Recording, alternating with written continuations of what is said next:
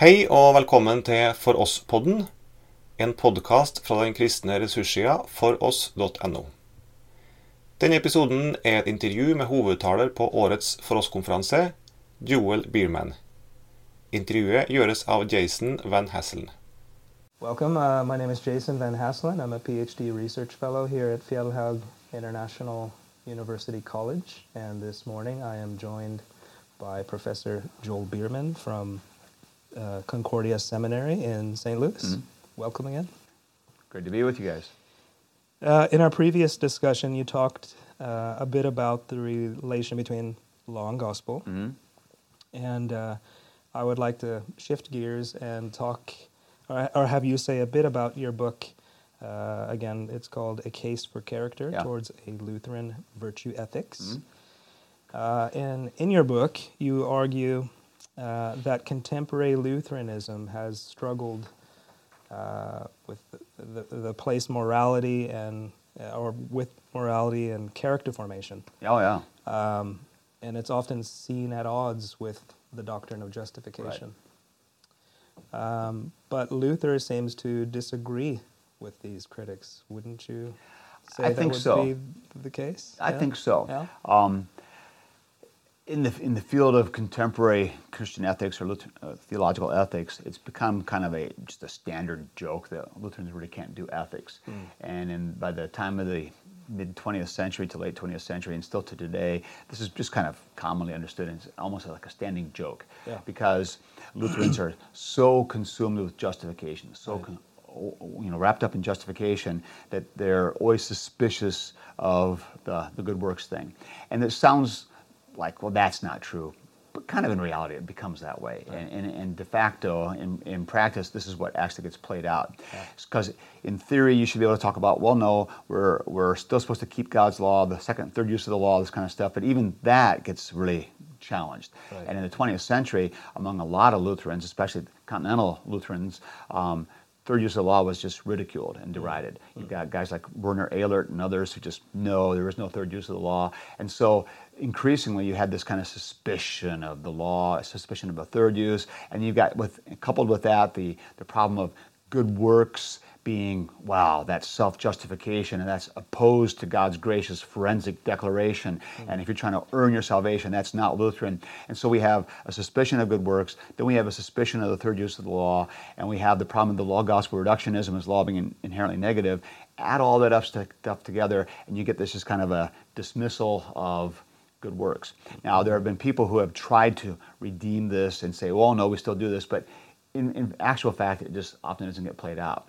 But as you indicated in your question, this reality among Lutherans is not part of our, our her- heritage. Because if you go back to Luther, and if you even go to the Confessions, which is even more uh, critical for those who are confessional and, and adhere to the confessions, the confessions themselves do not talk this way Right. and do not set it up as a negative contrast. In fact, while we the confessions certainly celebrate justification, they see it in light of the reality that we are justified in order to go and serve in creation. Hmm. Luther himself says this clearly so many times. Hmm.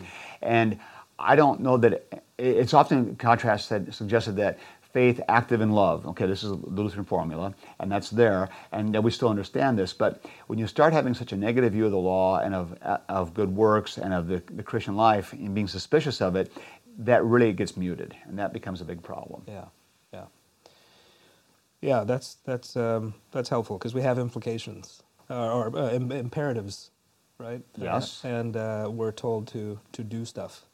Oh yeah, Right. the the imperatives you, are You there. had shared uh, a letter from from Luther yesterday. Yeah, That was the- very it's helpful. one of one of my favorite little um, devices to kind of make this point Yeah. is uh, what Luther actually did, and the the more commonly known things. What did Luther actually do? Well, the Large Catechism is a great place to go, and I encourage people sometimes just read through the Large Catechism on Luther and the, and the Ten Commandments and the Decalogue, and ask yourself how much gospel motivation is going on here. There's not much. And if it happens, it's usually kind of tangential. Because what Luther is simply driving at is this is what it looks like to be a good human being. Right. This is what it looks like to be to fulfill your responsibilities to your neighbor and to those um, you know that God has put around you. this is what you need to be doing. Hmm. So that's there. And then hmm. you, you mentioned this letter that he wrote to his son Hans. Hmm. And this was fascinating because Luther wrote, you know, wrote letters a lot, but when he was in Coburg Castle, it was in June of 1530, hmm. he wrote a letter home to his son Hans, encouraging his five year old son, Hanschen, that he called him, to keep on studying, praying, and being good. And he does it in light of I'll bring you a gift from the fair. And then he creates this image of this beautiful garden with fruit there and people kids playing and dancing and silver crossbows and ponies. And all these kids are having these delights in this wonderful garden and luther's telling his son about this garden he saw and it's just this beautiful picture and he says and, said, and so luther said i asked the man who ran the garden can my son come here and the man said yes if he will study and pray diligently and be good and it's just over the top law motivation. Right. And what's fascinating is Luther's not afraid to use it mm. in the context of raising a son. Mm. Now, what blows your mind is when you realize he wrote that letter on the date is, if I remember right, June 19, 1530. Mm. I know it's June 1530, and I think it was the 19th, mm. which is, if you know your history, six days before the Augsburg Confession was presented before the emperor.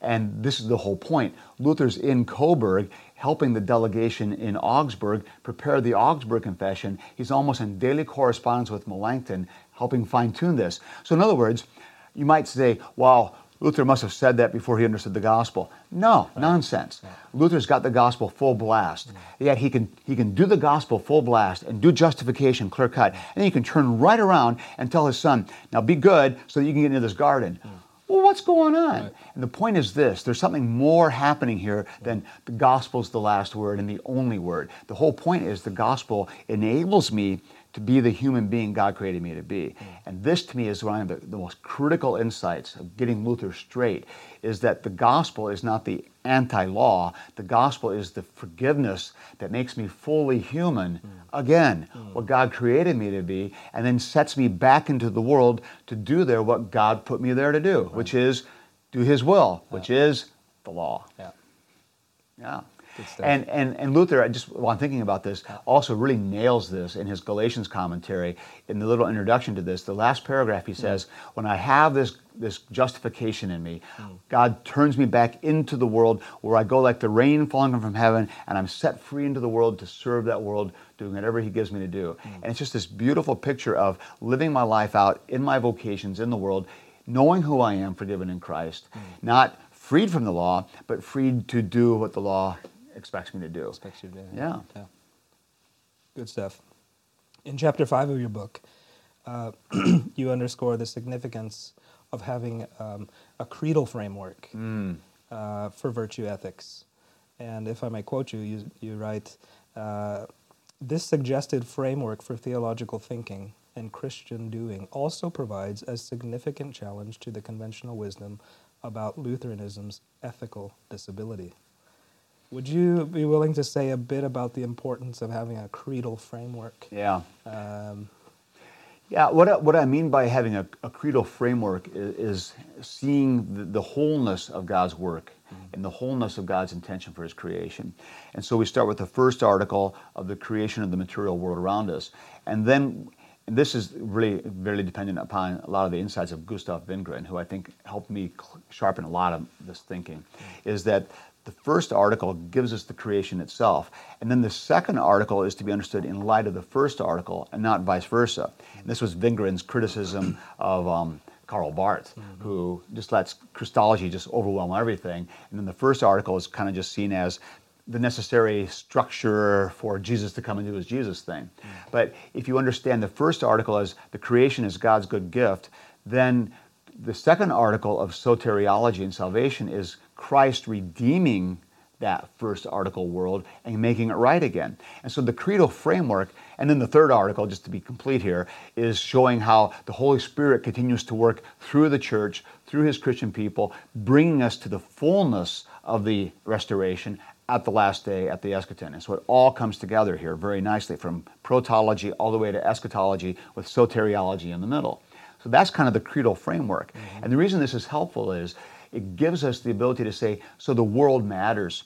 the creation matters. Mm. God's law and His will for this world matters. Mm. We need to see our lives in light of those realities mm-hmm. so that now we see that I'm restored and redeemed in Christ to go back into the world and do what God has given me to do. And that creedal framework actually gives us powerful impetus to do the work in the world, and that's essential to Lutheranism. Mm. So, in fact, we're not gutted from an ability to do ethics. We're actually well positioned to do ethics better than most because we do it with a uh, wonderful freedom of not being constrained to trying to earn my salvation or justify myself in the world or before God. That's been done in Christ, and now I'm just at liberty to go and serve in the world Yeah. exactly as God intended me to serve. Right. As a follow-up question, Yeah. and hopefully in a, in a similar vein, Yeah.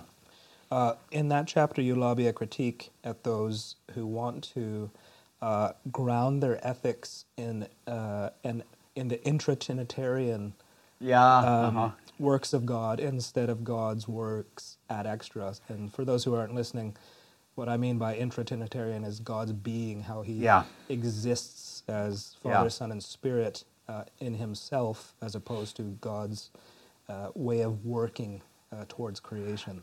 Yeah, I, I'm glad you picked up on that because I think that's significant, and I'm, people don't often think that through. It's been kind of popular ever since the work of Karl Rahner and kind of the rediscovery of the Trinity and Catherine LaCugna. Um, some of these people have really explored these things, and they've done some good work and they've done a valuable service by highlighting again a Trinitarian God that we believe. It's not we don't just have this kind of monistic either usually it's Son only kind of stuff. You start getting in a lot of Christian thinking, but it's a Trinitarian God. It's Father, Son, and Holy Spirit, and that's useful. Now the downside is is when they start suggesting that as God is, so shall be His His creation. So shall man be. Right. And that I think is problematic. But see, it just kind of gets assumed by even people who are conservative or more liberal. They all just kind of take for granted that, well, how God is, then norms how we are. And I always have been kind of surprised by that or somewhat mystified by that. Mm. Because God in his inner being is absolutely Father, Son, and Holy Spirit and a wonderful perichoretic union where the mm. Father is the Father and he is sending the Son in the power of the Spirit. So there's clearly a structure. And yet, within that structure or even hierarchy within the Godhead, there's this wonderful mutuality and interdependence, and all are God, and they're all equally reigning together. And it's a beautiful picture of this, this distinction and yet uh, uh, mutual interdependence and cooperation. And people say, that's how it should be in the world. Right. And that should be the norm for us. For marriage, for example. Yeah, yeah. And so you end up having, you know, so we don't have to have men aren't over their wives. We need to have mutuality. And the idea of a hierarchy in society, no, this is bad. We need to have equality. And it's funny how people assume that because God's that way, we should be that way. And, and as you point out, I think instead of paying attention to the intra-Trinitarian stuff, we should be paying attention to what God has done toward His creation, mm. and maybe even more paying attention to what God has told us about how the world's supposed to work and what His will is. Maybe that should be what we pay attention to. Yeah, yeah. Instead of trying to discern how God is, so we should be like that. Maybe we should just be paying attention to what God has told us to do. Yeah. So your your proposal gives room for an ethics that's not just triadic in its shape, but is actually Trinitarian uh, itself. But you want to put the emphasis on how God uh, revealed Himself in His Word, Precisely. and in His work. in his word and in his us, work. yeah. And the word, of course, being Christ himself Mm. and Christ's work in this world for the sake of the world. That's where we start seeing the, what God's will is for us and how God in his Trinitarian reality operates in this world for us. Yeah. Yeah, that's exactly right. Wonderful. Yeah. Du har nå hørt en samtale med Joel Bierman og Jason Van Hasselen.